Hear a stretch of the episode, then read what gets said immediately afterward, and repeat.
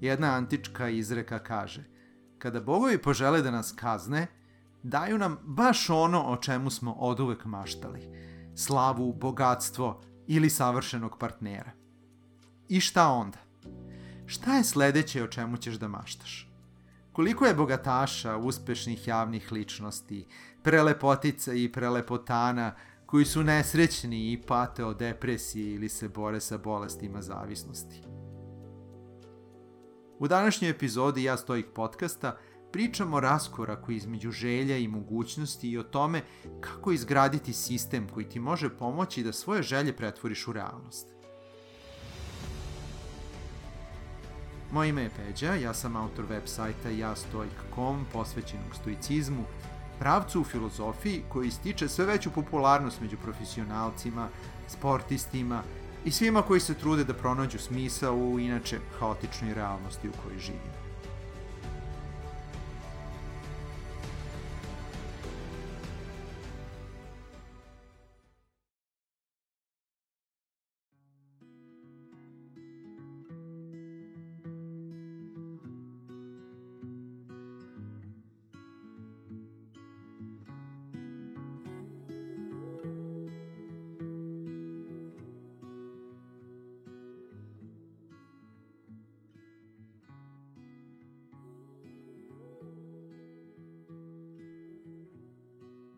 Želja je pozitivna emocija ili motivacija prema određenom objektu, ličnosti ili aktivnosti. Želje se razlikuju po intenzitetu, što im daje manju ili veću moć da utiču na naše ponašanje. Svaka osoba drugačije reaguje na želju. Osobe koje slabije uspostavljaju samo kontrolu, teže uspevaju da savladaju svoje želje. U odsustvu želja nema ni potrebe za samokontrolom i zato je od velikog značaja razviti sposobnost upravljanja željom. Upravljanje željom se manifestuje kroz konflikt između trenutne potrebe za hranom, alkoholom, seksom i vrednosti i ciljeva koje želimo da dostignemo, na primjer dobra forma, trezvenost, vernost drugoj osobi – Ovi konflikti svakodnevno provociraju našu sposobnost samokontrole.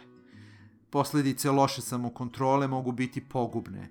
Većina bolesti od kojih pati savremeni čovek uzrokovane su odsustvom kontrole navika koje se odnose na pravilnu ishranu ili na odnos prema fizičkom ili psihičkom zdravlju. Kako upravljati željom?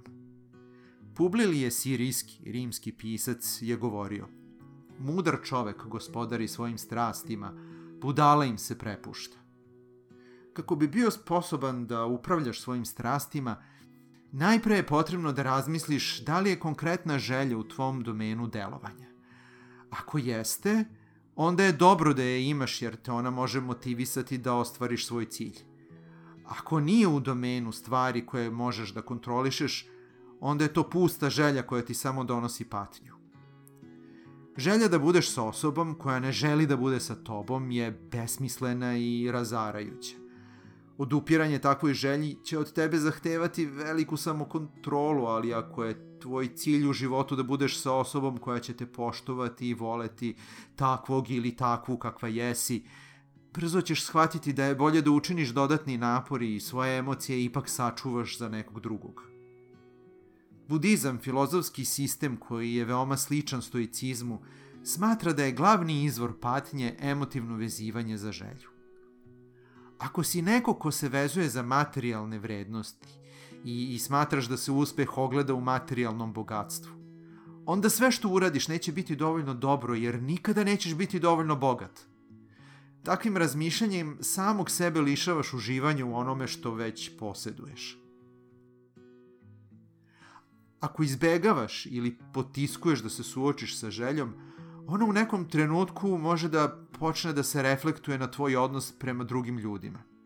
Na primjer, možeš početi da optužuješ druge kako su pohlepni materialisti dok i sam priželjkuješ uspeh i bogatstvo.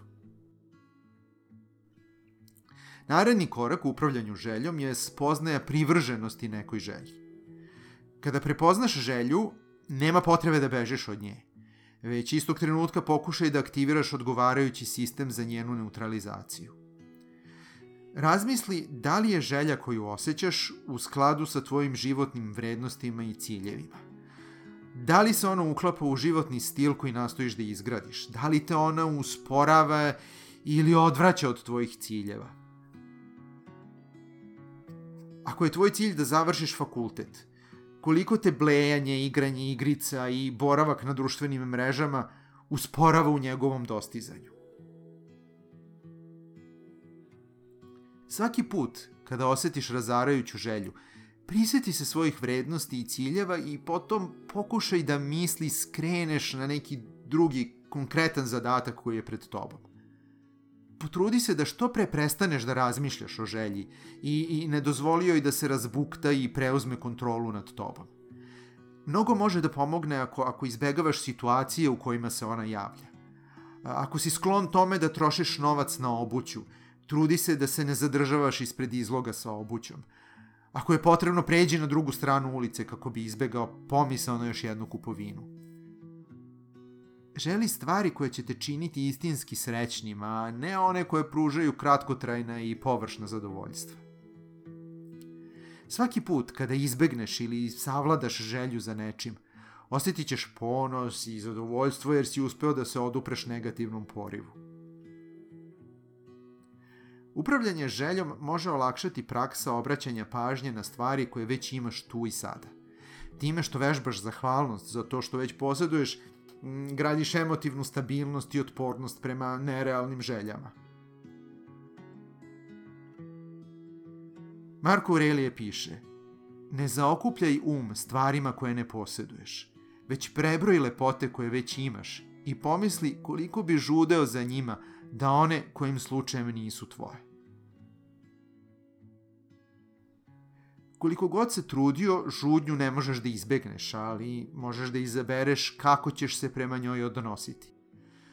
A, ako si pasivan u svojoj žudnji, onda ona može postati ugovor koji te obavezuje na nesrećnu egzistenciju.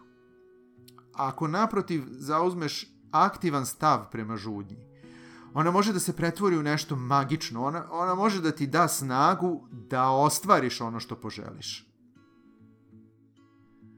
Aktivna žudnja pretvara objekat žudnje u cilj.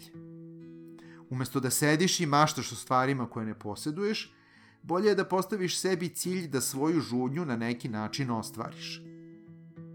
Sledeći korak je da napraviš plan kako da izgubiš kilograme, kako da se izboriš za povišicu plate ili kako da eliminišeš minus na kreditnoj kartici.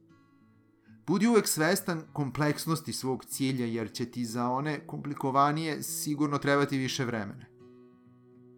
Najvažnije od svega je da se zadržiš na pravom putu jer ćeš čak i tokom perioda kada ti se progres čini spor moći da budeš zadovoljan zbog saznanja da si svakim danom bliži ostvarenju svoje želje.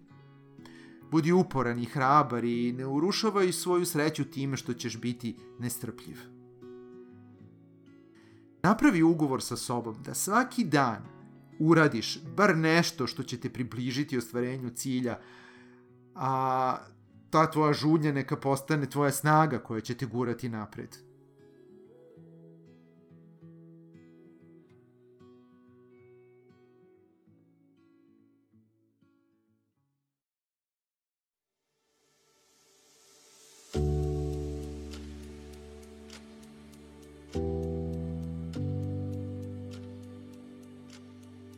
Ako ti ovo o čemu sam pričao bilo zanimljivo, pozivam te da zapratiš Ja Stoik podcast i ja.stoik profil na Instagramu kako bi imao pristup dodatnim sadržajima na temu stoicizma. Takođe, možeš da posetiš jastoik.com website gde možeš besplatno da preuzmeš e-knjigu 50 stoičkih misli koje ti mogu poslužiti kao inspiracija i putokaz za svakodnevni život. Želim ti da mudro iskoristiš današnji dan. Carpe diem.